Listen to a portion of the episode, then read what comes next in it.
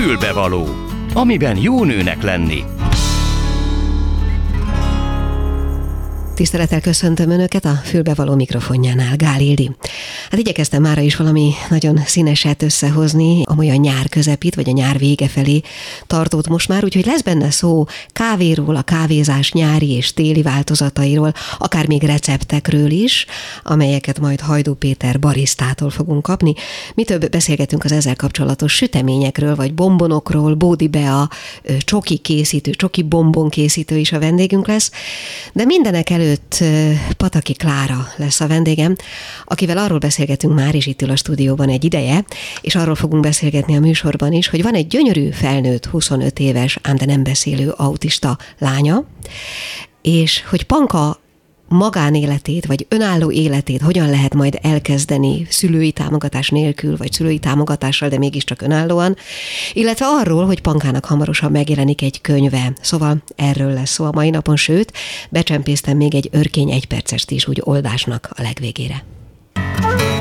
A Klubrádió női magazinja tényleg fülbevaló.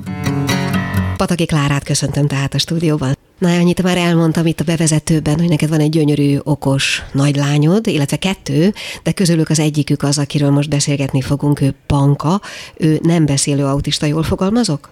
Igen, teljesen jól. Nem beszélő, de többféle eszközzel pazarul kommunikáló, tehát úgy kell elképzelni, hogy a, azon a, normális, átlagos módon, ahogy mi beszélünk, ő nagyon keveset beszél, vagy kötött szövegeket mond, tehát presser kalákad és nyelvén remekül kommunikál mi nyelvezetünkkel, vagy a mi verbális csatornánkon, de más csatornán, okostelefonon, tableten és egy papír alapú betűtáblán kommunikál a leggyorsabban, ami azt jelenti, hogy egymás után lemutatja a betűket, papír alapú betűtáblán nagyon gyorsan, és azokat én összeolvasom, illetve hogyha ugyanez géppel történik, akkor a gép csinálja meg helyette, és kimondja hangosan, amit ő leír. Tehát uh-huh. ő ezzel a módszerrel tanult általános iskolában és gimnáziumban is. Azért hívtalak, mert azt gondolom, hogy a tiétek az egy sikersztori mm, a jó, szó jó értelmében, tehát most minden bulváriszt félretéve. Bizonyos mértékben igen, de a sikersztorit ezt azért nem szeretem nagyon hangsúlyozni, mert olyan feelingje van, mint hogyha ez egy ilyen csodaszerű dolog lenne, és hogy én azt gondolom, hogy bármennyire is szeretnénk az autizmus köré ilyen csodát is építeni, tehát van egy ilyen látszata és egy ilyen lélaködös látszata, de azt gondolom, hogy ami autizmusban csodaként értelmezhető, idézőjelbetéve, a mögött mindig, mindig iszonyatos munka van.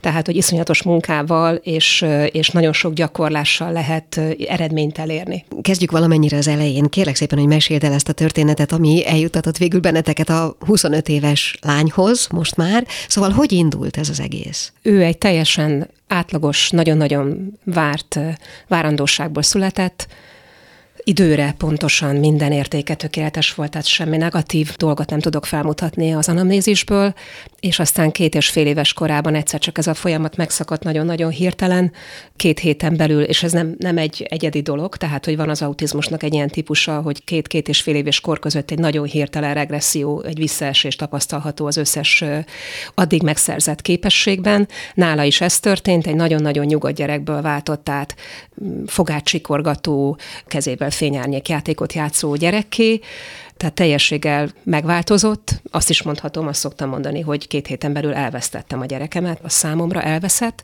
és igazából ebből a mélypontból kezdtünk szépen lassan visszafelé menni, ami a legfárasztóbb dolog az egész megtett utunkban az az, hogy nagyon kevés segítséget kaptunk. Tehát mindaz, amire, amit megtaláltunk, és ami később bevált, az azért volt, mert mi utána kerestünk, vagy én, meg még amíg élt a férjem, akkor a férjem.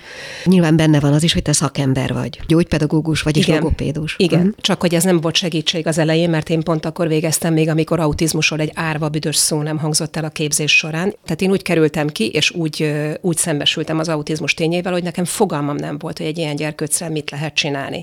És ez volt a legrosszabb.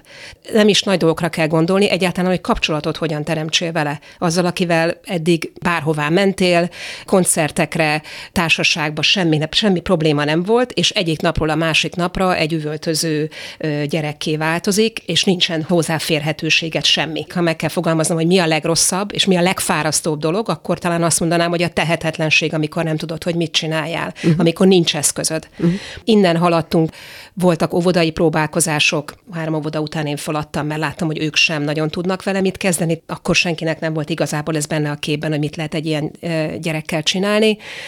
És akkor utána bekerültünk a Flóra Alapítványba, ami azóta sajnos már megszűnt, akik hát szinte egyedülálló módon vállalták föl a nem beszélő, halmozottan sérült autista gyerekek fejlesztését, és ott egy édesapa volt olyan bátor, bár ő neki köze nem volt a gyógypedagógiához, egy mezei laikus szülő volt, akinek kezébe került egy videó egy otthoni terápiáról, ez volt a Sunrise terápia, és akkor pár héten belül ő már kirepült Amerikába, megtanulta, és hazajött, és tanította a szülőknek.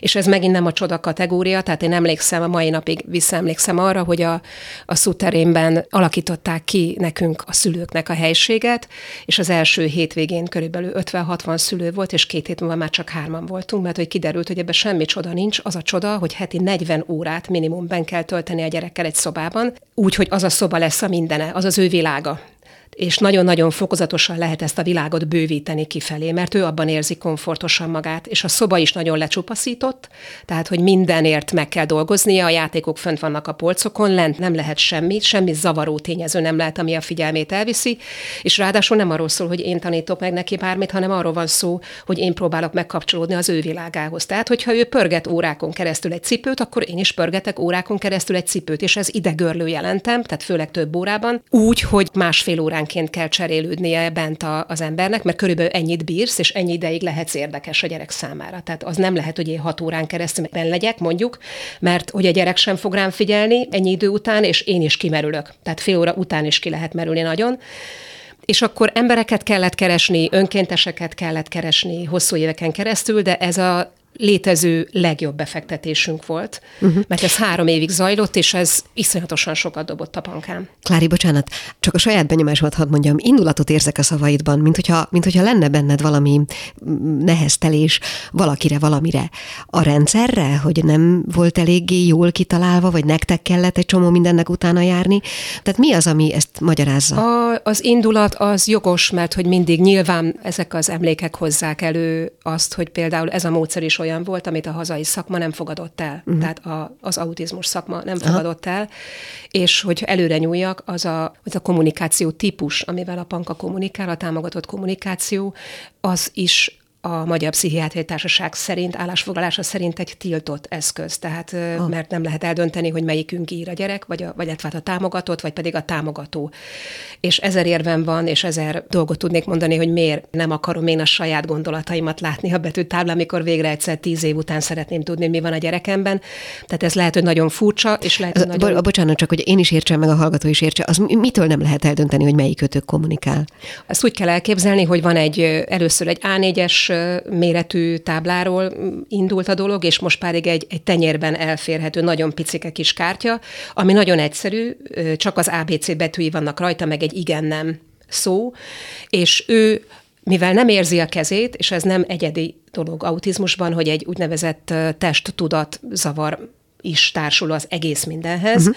ami azt jelenti, hogy nem tudja, hogy hol vannak a testének a határai, nem tudja, hogy éppen fölemelte a kezét, és az itt van, vagy pedig lent van, tehát semmit nem érzékel, csak akkor, hogyha vizuálisan látja magát, Panka ezért nézi nagyon sokszor magát a tükörben, mert azt mondja, hogy akkor tudja, hogy van, hogy létezik. Tehát, hogy ezt nehezen tudjuk elképzelni mi, akik érezzük, hogy a talpunk alatt a föld van, de ő neki meg kell dobognia, dobogtatnia a lábát, hogy érezze, hogy valóban ott van. Uh-huh.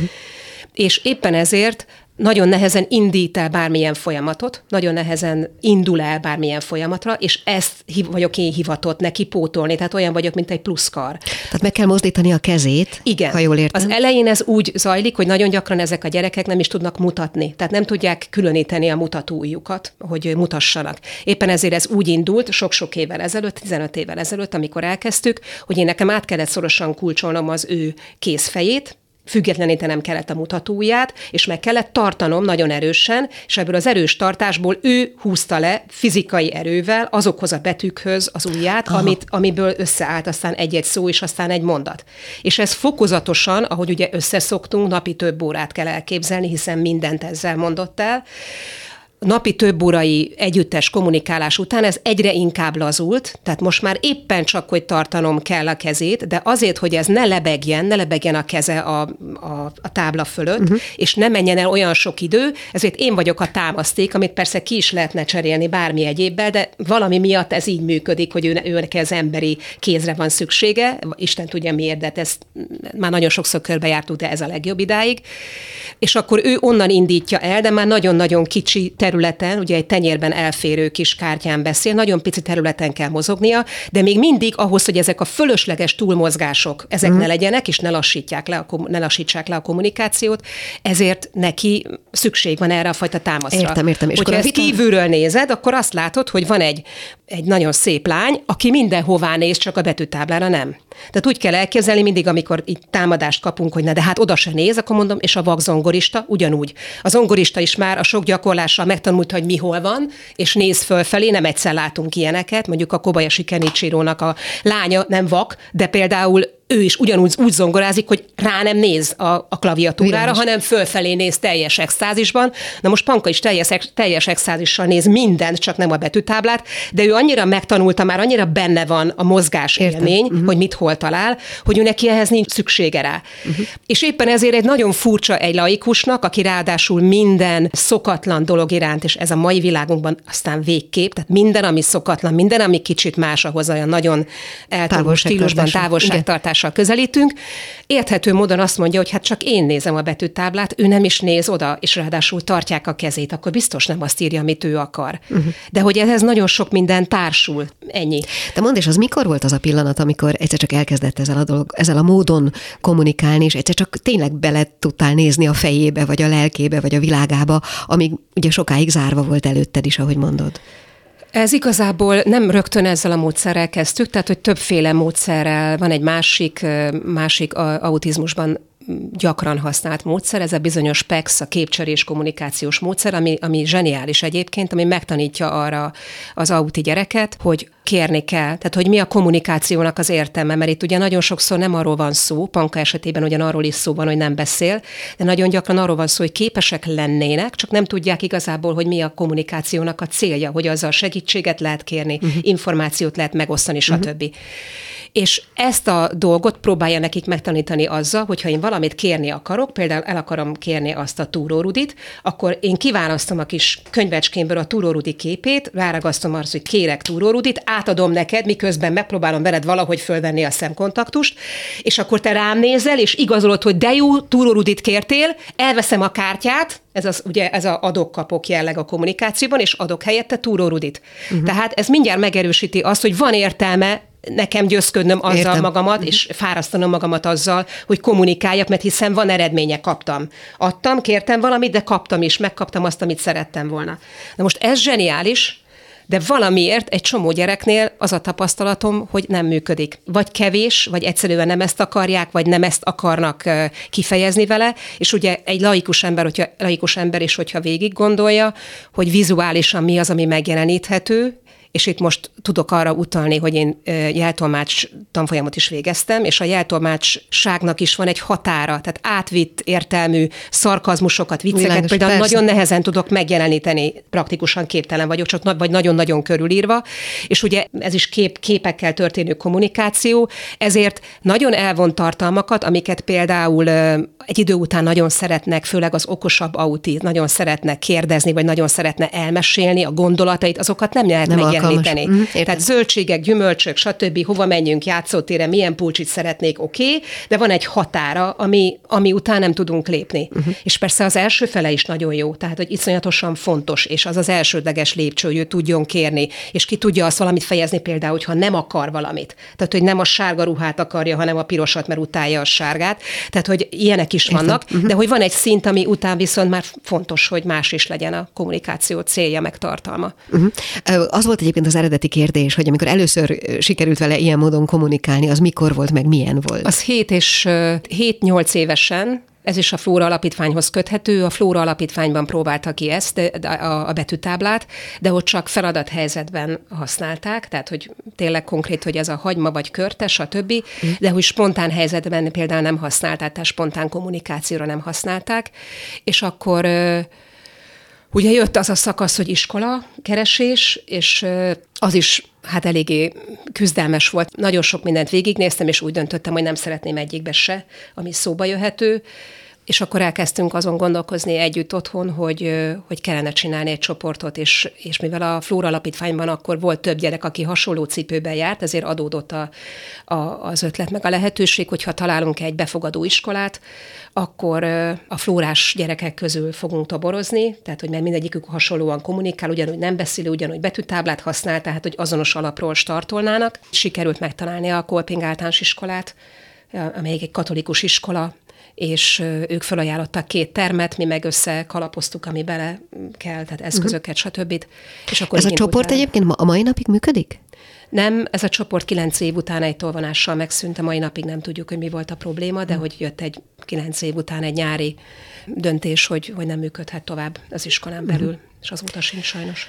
Azért volt jó, hogy ezt ilyen hosszan megbeszéltük, mert ugye ti nyilván szimbiózisban éltetek egészen a mai napig, vagy éltek akár még most is.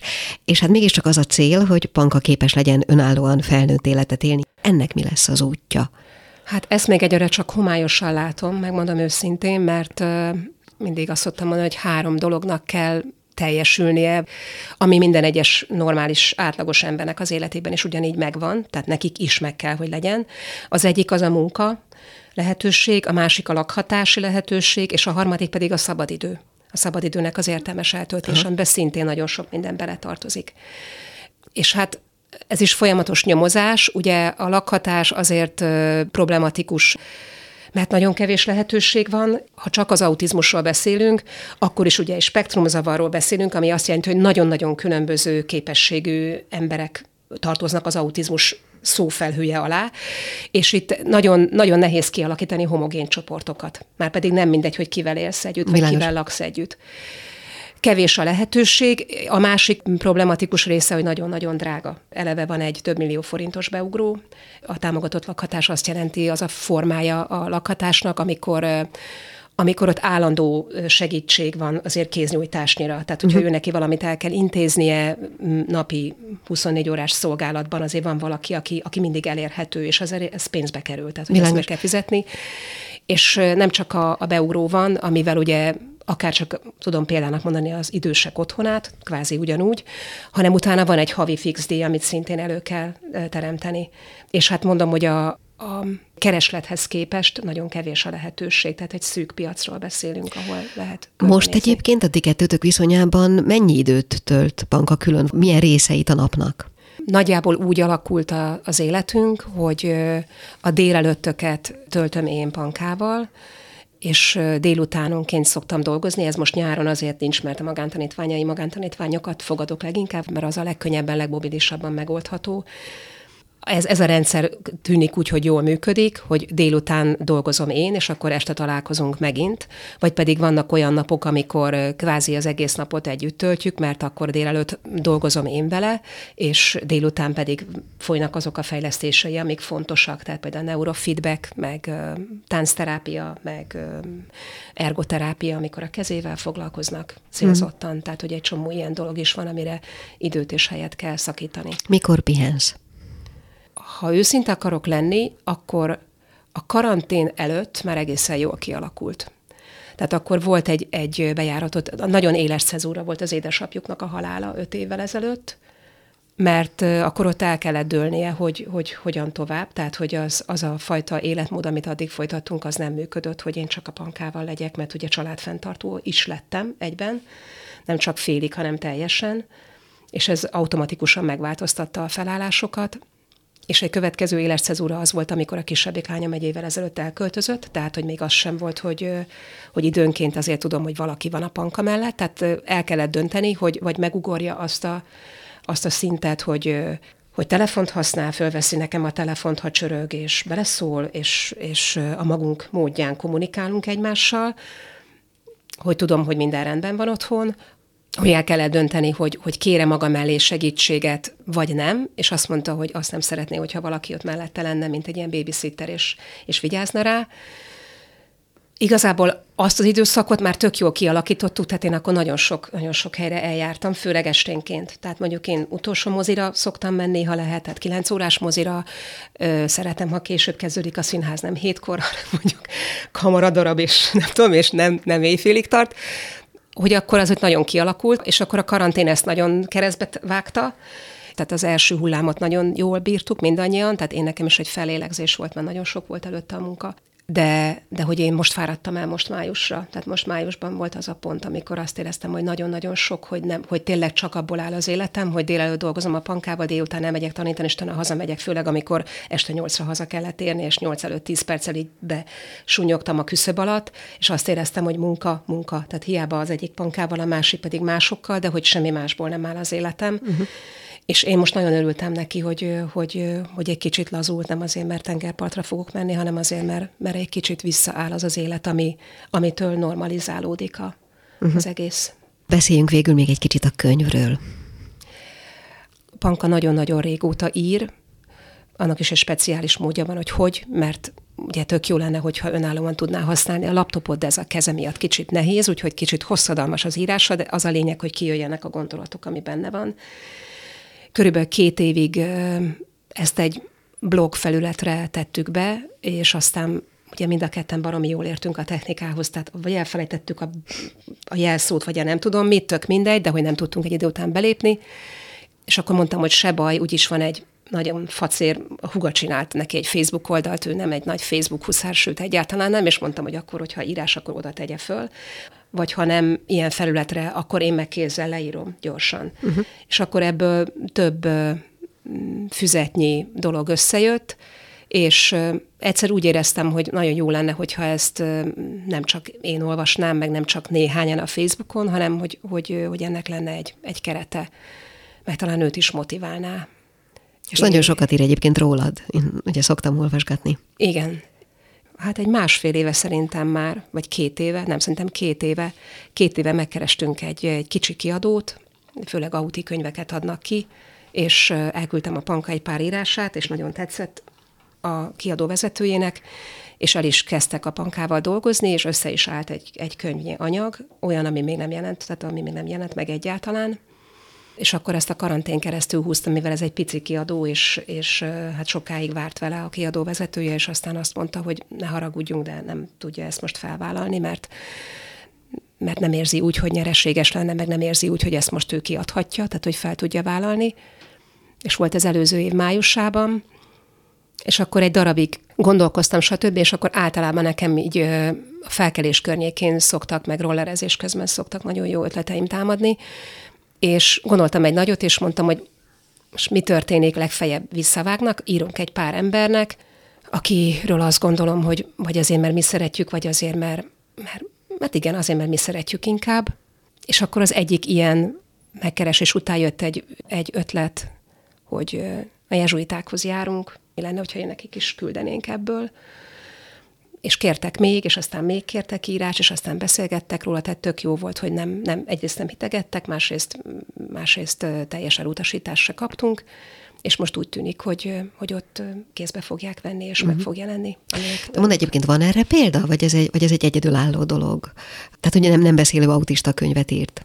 Magyarországon nem tudok róla, hogy nem beszélő, magyarországi beszélő auti van, Sét Henrietnek a könyve is megjelent, a Ora Zankának is megjelent könyve, uh-huh. de ők, ők a spektrum másik végén vannak, igen, igen. Tehát, de, de nem beszélő autiként, tehát külföldön nagyon sok megjelent, és nálunk pedig a, a Naoki Higashidának jelent meg egy japán fiatalembernek, aki ugyanúgy kommunikál egyébként, mint a Panka betűtáblával kommunikál, ő neki megjelent a Hát ezért ugrálok című könyv, amiből film is készül nem sokára, illetve már megvan a film, csak mi nálunk nem mutatták be. Tehát, hogy ez nem egy egyedülálló. Magyarországon valószínűleg ő, ő lesz az egyedüli, aki, aki nem beszélőként ír és megjelenik könyve. Pataki Klárát hallották. Folytatódik a Klubrádió ékszere, a fülbevaló. És most a hírek után ismét köszöntöm Önöket a fülbevaló mikrofonjánál, Gálildi. Szóval ma szeretnénk olyasmivel foglalkozni, ami kávé, ami süti, ami csupa finom, csoki, nyári finomság, ilyesmi. És hát ennek kapcsán ül itt most a stúdióban velem szemben Bódi Bea, aki hát nagy varázslója a tortakészítésnek, a csoki készítésnek. Arra szeretnélek kérni, kínáljunk a hallgatóknak valami nagyon könnyen otthon elkészíthető receptet, ami olyan végtelen nagy szaktudás nem kell, de a te alapvető, hogy mondjam, instrukciód mégiscsak, jó? Mond, van különbség, mielőtt ebbe belemegyünk a csoki fogyasztás, vagy a csoki készítés nyári meg téli változatai között? Mert a csoki ez ugye folyik, nem szereti a nagy meleget talán. Ez igaz, hogy nem szereti a nagy meleget, viszont a csokoládé szerkezetét stabilizálni kell ahhoz, hogy szobahőmérsékleten fényes legyen és roppanós, ami nagyon nehezen kivitelezhető otthoni körülmények között nyáron. Temperálásnak hívják ezt a folyamatot, optimális esetben 18 és 20 fok között kell kivitelezni, ezért a nyári nagy melegben otthon neki fogni temperálni nem igazán ajánlatos. Jó, hát nem is erre gondoltam, de tudod, lehet, hogy nagyon profán, amit mondok, de tudod, mikor szeretem a legjobban a csokit? Amikor ott marad egy kicsit az autóban, és másnapra megolvad, és úgy le kell nyalni, annál finomabb a földön nincs. Hát lehet mártogatni például gyümölcsöket akkor, tehát mint egy csoki fondűt Aha. felhasználni ezt az olvasztott, olvat csokit, és úgy a gyümölcsöt, a nyári friss gyümölcsöt megenni vele. Talán ez, a, ez az ez egyszerű... például egy otthon kivitelezhető történet. Hát abszolút egy otthon kivitelezhető, igen. És azt egyébként hogy kell melegen tartani mondjuk egy ilyen fondűban lévő csokoládét? Vagy hát a, hát a legegyszerűbb erre már otthoni használatra is ki vannak találva szerkezetek, tehát uh-huh. csoki, fondűk, szerkezetek, amit jó esetben meg lehet vásárolni, de hát a csokit megolvasztod nemes egyszerűséggel mikrohullámú sütőbe. Itt az a jó tanácsom lenne, hogy 30 másodpercenként meg kell keverni a csokit, amikor felolvasztod. Mert megég? Mert nagyon gyorsan meg tud égni, igen. Oh, Főleg az alján meg tud égni, akkor, hogyha nem, nem keverjük meg. Kérlek szépen, hogy mesélj nekem egy kicsit arról, hogy mi minden készíthető el egyáltalán csokiból, mi minden kerülhet a tortára, amire az ember nem gondolna, tehát nem azt mondom, hogy marcipánból rögtön, vagy, vagy cukor, mi ez, cukor... Cukorvirágok. Na szóval, hogy mi mindenből készülnek dolgok a torták tetejére? A csokinak nagyon sok felhasználási területe van, tehát azon kívül, hogy mi ismerjük, mint táblás csoki, egyéb olyan csokoládé termékek, amiket megszoktál és a boltban meg tudsz vásárolni. Például gyurmacsokit tudunk készíteni. Yeah amiből gyönyörű dekorációkat lehet elkészíteni torta tetejére, virágokat, különféle geometriai formákat, gömböket, ABC, tehát betűket. Itt, itt gyakorlatilag a fantázia szabhatárt. A gyurmaság az azt jelenti, hogy a kézmeleg igen. hőmérsékleten gyurmázható, és aztán megszilárdul? Igen, oh. igen, itt főleg a minőségi csokira gondolok, a 70%-os csokoládéra, amelyeket nagyon egyszerűen mézel, hogyha összekeverik, akkor egy csoki gyurmát kapunk, amiből ezeket a díszeket el tudod készíteni, el lehet készíteni, és én úgy hívom ezeket, hogy nagyon emberbarát dekorációk, ugyanis hát két nagyon nemes anyag kombinálódik, a 70%-os étcsokoládé és a nagyon minőségi méz egyelő arányba, hogyha összekevered a 70%-os csokit a mézzel, a virágmézzel, és egyforma hőmérsékleten, akkor egy, egy olyan folyékony állagot fogsz kapni legelőször, amit 24 órán keresztül, hogyha egy légmentesen lezárható bármiben beleteszel, tehát egy műanyag zacskóba, vagy egy tégelybe, amelynek van mhm. teteje, uh-huh. akkor másnapra megszilárdul, és ez majd a kézmelegétől modellezhető Válik. lesz. De jó. Igen, igen. De jó, akár otthon az anyukák játszhatnak gyerekekkel. Bátran, vagy bátran, majd arra kell ügyelni, hogy a pici gyerekeknek el kell magyarázni, hogy a normál gyurmát nem szabad megenni, míg a soki gyurmát, a igen. Meg igen. Jó, te készítesz egyébként bombonokat, és egy kicsit beszéljünk kérlek arról, hogy mi minden kerül, mert nyilván a, a bombonnak a csoki az csak a borítás része, ha jól értelmezem. Igen, vagy hát, csoki bocsánat. hüvelye. Igen, okay. igen. Tehát, hogy mi minden kerülhet a bombonba? Szerintem, akinek van emléke a mondjuk a Harry Potterből, hát nem tudom, gondoljon sok mindenre, mondjuk a hányás ízű bombonra pont ne, de azért egy csomó minden más kerülhet bele. Például? Igen, hát a bombon töltelékeket ganásnak hívják, ami azt jelenti, hogy egy emózió, ami csokoládé és tejszín leggyakrabban, de ez az emózió elkészíthető például gyümölcspürékkel is, vagy pesgővel, vagy borral, ami szintén nagyon üdítő lehet nyáron, és nagyon finom töltelékeket lehet létrehozni ebből a kombinációból, úgyhogy itt is csak a fantázia szab határt, hogy maga a ganás az, az miből készüljön. Ugye a kávésoknak szokták azt mondani, hogy aki a kávéba bármit tesz, az megöli vele a kávé alapízét. A csokiban a tej mértéke. Tudom, szokták mondani, hogy a minőségi csokoládé, te is mondtad előbb, ugye a nagyon magas százalékú kakaótartalomtól igen, függ. De én például szeretem a tejcsokit, öljetek meg. Az, az már csokoládé minőségén ront a tej? Gyakorlatilag háromfajta csokit, négyet különböztetünk meg. Van az étcsokoládé, a tejcsokoládé, a fehér csokoládé, és most már van a rubi. A tejcsokoládé az minőségi alapanyagokból készül, ugyanúgy, mint az étcsokoládé, csak tejpor van hozzáadva, tehát cukor, tejpor és száraz kakaópornak az elegye. Ugyanúgy nagyon jó minőségű tud lenni ez a tejcsokoládé is. Itt is különféle százalékok vannak. Uh-huh. Tehát van egy 24 százalékos, egy 30 százalékos, egy 33 százalékos, ami nagyon nagy élvezeti értékkel bír. Én személy szerint nagyon szeretem a tejcsokoládét. A tejcsokoládét például lehet fűszerezni, nagyon érdekesen, fahéjjal például, vagy amit még ki lehet próbálni otthon, a tejcsokoládét is lehet karamellizálni, ugyanúgy, mint a fehér csokoládét. Beteszed például a sütőbe, a normál sütőbe, uh-huh. és alacsony hőmérsékleten elég sok ideig kell hagyni, de 10-15 percenként megkevered a felolvat masszát, és például a fehér csokinál, mikor elérted azt a sötét szint, amit szeretnél, egy nagyon sejmes karamellízű csokoládét kapsz, ami szintén egy otthon kivitelezhető Fantasztikus, jó, hát ezt feltétlenül ki fogom próbálni. Ugye cukrászként, meg Igen. tortakészítőként, mi a te legnagyobb teljesítményed, vagy mire vagy leginkább büszke, vagy mi az, ami saját találmány esetleg? Saját találmányként én um, hobbi cukrász tanfolyamokat tartottam, és arra vagyok a legbüszkébb, hogy ezeken a tanfolyamokon sikerült olyan újításokat, apró technikai dolgokat bevinni, amelyek nagyon hasznosak a háziasszonyoknak. Sok olyan kérdésre kellett válaszoljak, hogy lehet kivitelezni otthon, profi körülmények nélkül, improvizáltunk rengeteget, és nagyon sok kis apró trükköt, apró ö, olyan elemet sikerült behozzak ezekbe a tanfolyamokba, amiket szerettek a, a házi asszonyok. És én erre vagyok a legbüszkébb, hogy nagyon sok hölgynek tudtam segíteni, és úrnak, akik otthoni körülmények között szerettek volna csokival foglalkozni. Hát ez, nem, ez nem az a fajta kreativitás, hogy mit kéne ma főzni, hát kinyitom a hűtőt, mi van benne, és akkor onnan indul az, hogy az embernek beindul az agya, hogy ebből mi minden. Igen, és például volt olyan házaspár, aki eljöttek, és azt mondták, hogy ők szilveszterkor tönkretették a konyhájukat azzal, hogy csoki gömböt akartak készíteni, nem tudták, hogy hogy kell temperálni, és kiszúrták a léggömböt, amiben belemártották a csokit, és az egész konyhájuk tele lett csokival, úgyhogy a szilveszteri buri úgy zajlott, hogy, hogy a konyhát a falat. Igen, Bocsánat. ezért eljöttek egy hobbi cukrász tanfolyamra, és nagyon meglepődtek, hogy milyen egyszerűen kivitelezhető. De ez csak egy apró példa. Uh-huh. Amikor te tortákat készítesz, abban valami különleges olyasmi, ami, ami a tetejére kerül, ami nem feltétlenül hétköznapi, hiszen ebből ugye világbajnokságot rendeznek, meg minden.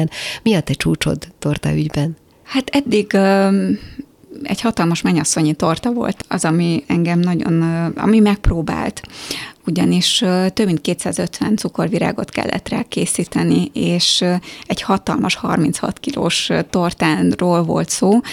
Ennek a, az elkészítése legelétől, illetve csomagolása, ugyanis augusztusi nagy melegbe kellett lejusson Budapestről egy vidéki városba, és sikerült, hál' Istennek finom lett, örültek neki, és nagyon sok pozitív visszajelzést kaptam ezügyben. Meg hát annak ugye tartósnak is kell lenni, elég sokáig ki kell bírni a tortának igen, nem? Igen, igen.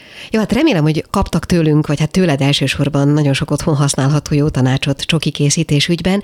Én nagyon szépen köszönöm, hogy itt voltál, Bódi Beát hallották. Nagyon örülök, köszönöm. Mi kell a nőnek?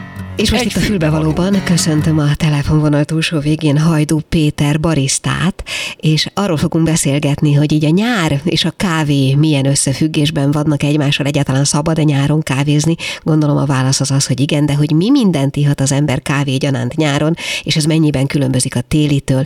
Talán kezdjük ezzel. Halló? Üdvözlöm, Jó a kedves hallgatókat is. Én onnan indítanám, hogy ez teljesen alkati kérdés, hogy ki mennyire, hogyan fogyaszthatja a kávét. Alapvetően kétféleképpen tudjuk bontani a koffeint. vannak lassú és vannak gyors koffeinbontók. Akik lassan bontják, sokkal több időt tölt a koffein a szervezetükben, ezért jobban meg is erőlteti. Ezeknek az embereknek én nem javasolnám a napi kávéfogyasztást, viszont vannak azok az emberek, akik gyorsan bontják, és ezáltal akár napi 3-4 kávé sem árt meg nekik. Tehát én mindenképpen azt javasolnám, hogy figyeljük meg a saját szervezetünket, és úgy indítsuk el ezeket a e, szokásokat, és mindig azt javasoljuk, hogy mértéktartóan fogyasszuk a kávét, ugyanis hát gyakorlatilag ez egy izgatószer, attól függetlenül egy rendkívül komoly élvezeti értéke van. Bocsánat, az mit jelent, hogy figyeljük meg a szervezetünket? Miért milyen tünetei vannak annak, hogyha gyorsan vagy lassan használja fel a szervezetünk a koffeint? Heves reakciók formájában szívdobogás, akár pici szédülés, koncentrációzavar, nagyobb mértékben hány inger is felléphet ebben az esetben, hogyha, hogyha túl sok a koffein. Ezt uh-huh. hamarabb túl tudjuk adagolni. Értem. Meg hát ugye vízhajtóként is működik, amennyire én tudom. Pontosan. Nagyon fontos a hidratálás kávéfogyasztás közben. Jó, tehát hogyha ezzel tisztában vagyunk, mondjuk a szervezetünkre gyakorolt hatásával, és eldöntjük, hogy melyik kategóriába tartozunk, akkor mit ígyunk nyáron? Ez megint csak egyéni preferencia. Mi azt szoktuk mondani, hogy nem jogunk eldönteni azt, hogy a, a vendég eh, hogyan szereti elfogyasztani az ő kávéját, akár itt gondolok az ízesítésre, vagy hogy mit adunk pluszban hozzá. Természetesen nyáron megjelennek azok a kávékészítési formák, amik valamilyen szinten lehűtik, vagy akár hidegen készítik a kávékat. Uh-huh. Az úgynevezett cold brew amik eh, gyakorlatilag hideg eljárással készítik a kávét, hát ilyenkor a nyár egyik eh, nagy slágere tud lenni. Ezt akár otthon is ki tudják próbálni az emberek, hogyha kávéörleményt hideg vízzel öntenek le, és egy 12-48 óráig hagyják ázni a hűtőben. Ugyanaz a kivonatolás megtörténik, mint mondjuk egy forró vizes kávékészítésnél, csak itt az extrakciós időt eltoljuk az áztatási idővel, és ez fogja kioldani a beltartalmakat például. És azok a, nevezük méreganyagnak, vagy nem tudom, mint a csersav és egyebek, azok ilyen hideg kezelés folyamán hogy működnek? A kávéban különböző savak jelennek meg, amik kioldódhatnak, de a kávékészítés és a bariszták munkája is arról szól, hogy a kávé legjobb részét vegyék ki. Ezáltal van alul oldott és felül oldott kávé is. Tehát, hogyha ha túl kevés ideig történik ez a kioldás, akkor a kávéra jellemző ízek egész egyszerűen nem kerülnek bele a csészébe, illetve a koffein mértéke is sokkal kevesebb lesz. Ha pedig túloldás történik, akkor már olyan ízek kerülnek a kávéba, ami rontja az ital minőségét. Uh-huh. Tehát ezért is fontos az, hogyha valaki kávét készít, az értsen hozzá. Tehát attól, hogy neki van egy drága gépe vagy egy drága alapanyaga, attól még nem lesz jó kávéja. Ezért nagyon fontos, hogy ezt a megfelelő részt vegyük ki, és akkor nem lesznek egészségre káros anyagok a kávétalunkban. Hát ha már itt tartottunk, hogy hidegen is kioldható a kávé, akkor kérem szépen, hogy mondjon egy erre vonatkozó receptet, amit akár otthon háziasszonyként is elvégezhet az ember, ha ezt az előzetes eljárást megcsinálta. Azért nehéz erre receptúrát mondani, mert főleg világos pörkölésnél szokták használni ezeket a az eljárásokat, ahol tényleges ízanyagok találhatóak a kávéban, és itt meghatározott szemcsőméretet kell beállítani ahhoz, hogy valaki ezeket jól el tudja készíteni. Ezért azt tudom javasolni, hogy kísérletezgessenek egy kicsit, 15 és 30 g kávé között mondjuk egy befőttes üvegbe rakják be a kávéörleményt, öntsék le nagyjából egy ilyen fél liter vízzel, és nézzék meg, hogy mondjuk 12 óra után és 24 óra után, vagy akár 48 óra után milyen ízhatást, milyen végeredményt kapnak. És ebből kifolyólag önmaguk rá fognak találni arra a receptúrára, amit ők leginkább kedvelnek. Hm. Kosztolányi Dezsőről úgy hírlik, és azt hiszem, hogy nem mondok talán nagy butaságot, hogy róla, de igen, úgy emlékszem róla, hogy ő ilyen napi 6-8 kávénál alább nem adta.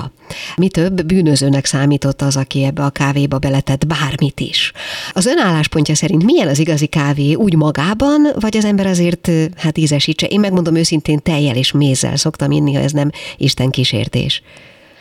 Én úgy gondolom, hogy egyáltalán nem blasfémia, viszont ez tényleg egyéni preferencia teljesen. A szakértők mindig uh, ízesítés nélkül kóstolják a kávékat. Igen, sejtettem, ennek, erre gondoltam. Ennek, Igen, ennek mi az oka? Ugye nem szeretnénk semmilyen módosító tényezőt a folyamat során. Innentől kezdve viszont teljesen szubjektív, hogy ki hogyan szereti fogyasztani a kávéját, és tényleg a bariszták feladata az, hogy a legjobb tudások alapján elkészítsék, vagy szerint elkészítsék a kávét, és utána azt szervírozzák, de hogy utána a vendég mit csinál vele, az már teljesen az ő dolga. Tud nekem mondani valami olyasmit, ami, a, ami az ön számára is meglepő volt ilyen a kávéval való összenemillés tekintetében, amit valaki kér? A szakmán belül gyakorlatilag bármi kiveri a biztosítékot, viszont én ezekhez a dolgokhoz nem, nem szoktam ragaszkodni, tehát mindig elmondjuk, hogy a kávé ízei csak úgy érvényesülnek igazán, ha nincs a kávétalban semmi, de ettől függetlenül tényleg bármit rakhat bele a vendég. Olyan nagyon extrém dolgot egyébként nem, nem tapasztaltam ezzel kapcsolatban. És mi a véleménye azokról a nyári italokról, mint mondjuk amit a görögök isznak frappé néven?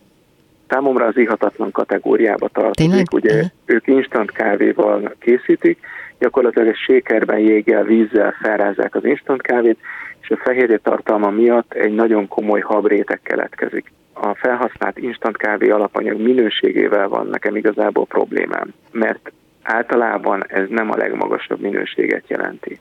Bár hozzátenném, hogy életem top három kávéjában egy instant kávé van benne. Tehát nem magával az eljárással van a probléma, hogyha nagyon jó alapanyagot használnak, nagyon jól elkészítik a kávéitalt, és utána ugye hozzáadják ezt a fagyasztva szárításos technikát, akkor gyakorlatilag bármeddig tudjuk konzerválni annak a kávénak az adott ízjegyeit. Tehát maga a technológia hihetetlenül zseni. Viszont nagyon sokszor gyenge minőségű alapanyagot használnak, tehát szakmai szinten ezt nem nagyon tudom értékelni, viszont ugye a sikerrel nehéz vitatkozni, nagyon-nagyon sok ember szereti ezt a instant kávéból készített frappés változatot, Hát erre szoktuk mondani, hogy ízlések és pofonok. Mhm.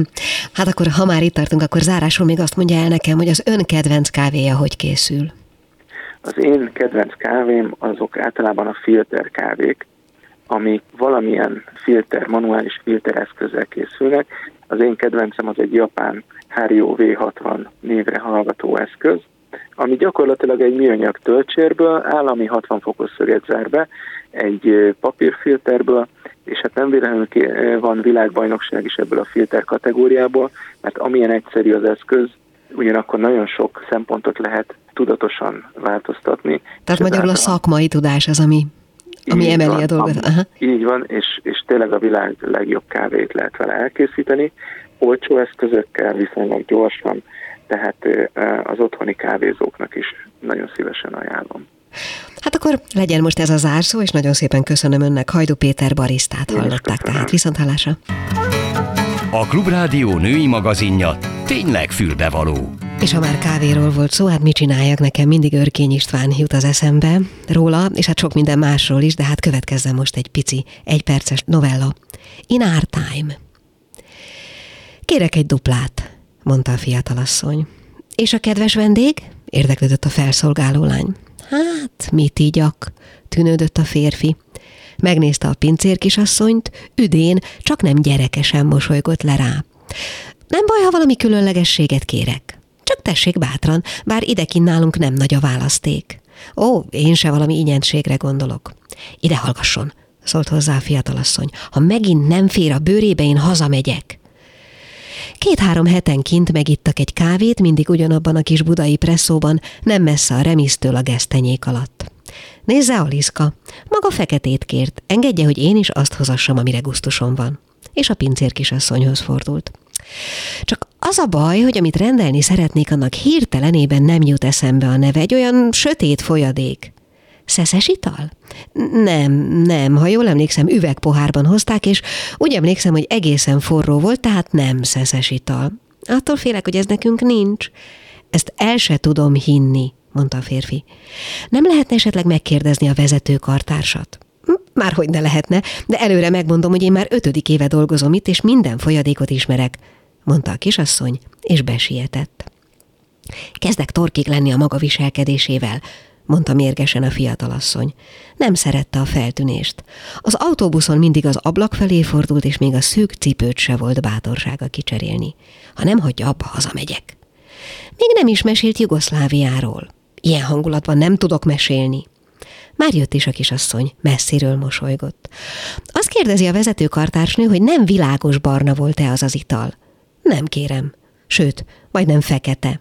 És hol tetszett legutóbb fogyasztani? Hm, zserbóban. Ja, sejtettük, nevetett egy jóta pincér kisasszony. Hát kérem, a zserbó osztályon felüli luxus kategória, mi pedig, tessék megnézni a táblát, másodosztályú cukrászda vagyunk. Várjon csak, mondta a férfi. Most jut eszembe, hogy egy kis kanalat is adtak hozzá, meg még valamit, a tányéron néhány kicsi fehér kockát. Kockát? Nézett rá a pincérlány, aztán fölkacagott. Tehát öt éve vagyok itt, de ilyen kívánság még nem volt. Kockák? Kacagott megint. Nem lehetne a vezető kartársnőt megkérdezni? A felszolgáló elment, de az ajtóból visszanézett, a szájára nyomta a kezét és nevetett. Csak akkor boldog, ha foglalkoznak magával? kérdezte dühösen a fiatalasszony. Dehogy, Aliszka, én akkor se vagyok boldog. Nos, milyen volt az a Bled? Ne tegyen úgy, mintha kíváncsi volna Bledre, inkább nézze meg, mit csinált. Kijött a kisasszony, mögötte szikáran szemüvegesen a vezetőnő, kezében egy nem nagyon ismert Hemingway kötet, in our time, magyarul nagyjából a kor, amelyben élünk. Hallom a problémát, mondta udvariasan. Kérem, ne tessék belőle kázus csinálni, mondta a férfi. Mi szeretjük a régi vendégeinket kielégíteni. Nos, milyen természetűek voltak azok a kockák? Ha jól emlékszem, fehérek és meglehetősen kisméretűek. Emezek összenéztek. A pincérlány, aki most nem mert nevetni, csak hangtalanul kuncogott. A vezetőnő azonban komoly maradt. Nagyon bosszantó, tehát mit csináljak nekünk, semmiféle kockáink nincsenek. Hm, nem is fontos mondta a férfi. És azt a szóban forgó folyadékot sem ismerem. Üssek ő, legyintett a férfi. Akkor kérek én is egy duplát. Ebben a mai fülbevalóban tehát beszélgettünk Pataki Klárával, Pankáról, aki egy nem beszélő autista fiatal lány, és hamarosan könyve is jelenik meg, ami egyébként tényleg nagyon nagy ritkaságnak számít, és Magyarországon talán az egyetlennek. Beszélgettünk Hajdú Péter barisztával arról, hogy hogy kell kávézni nyáron, és Bódi Beával arról, hogy mi mindent lehet csinálni, csoki ügyben mi mindent lehet készíteni, akár otthon is. Végül pedig elhangzott egy örkény egyperces novella, ha már a kávéról beszélgettünk in Our Time címmel. Ez volt tehát a mai fülbevaló. Remélem, jövő héten is velünk tartanak. Köszönöm szépen, Gál Ildit hallották. A Klubrádió nem csak nőknek szóló magazinját, a fülbevalót hallották.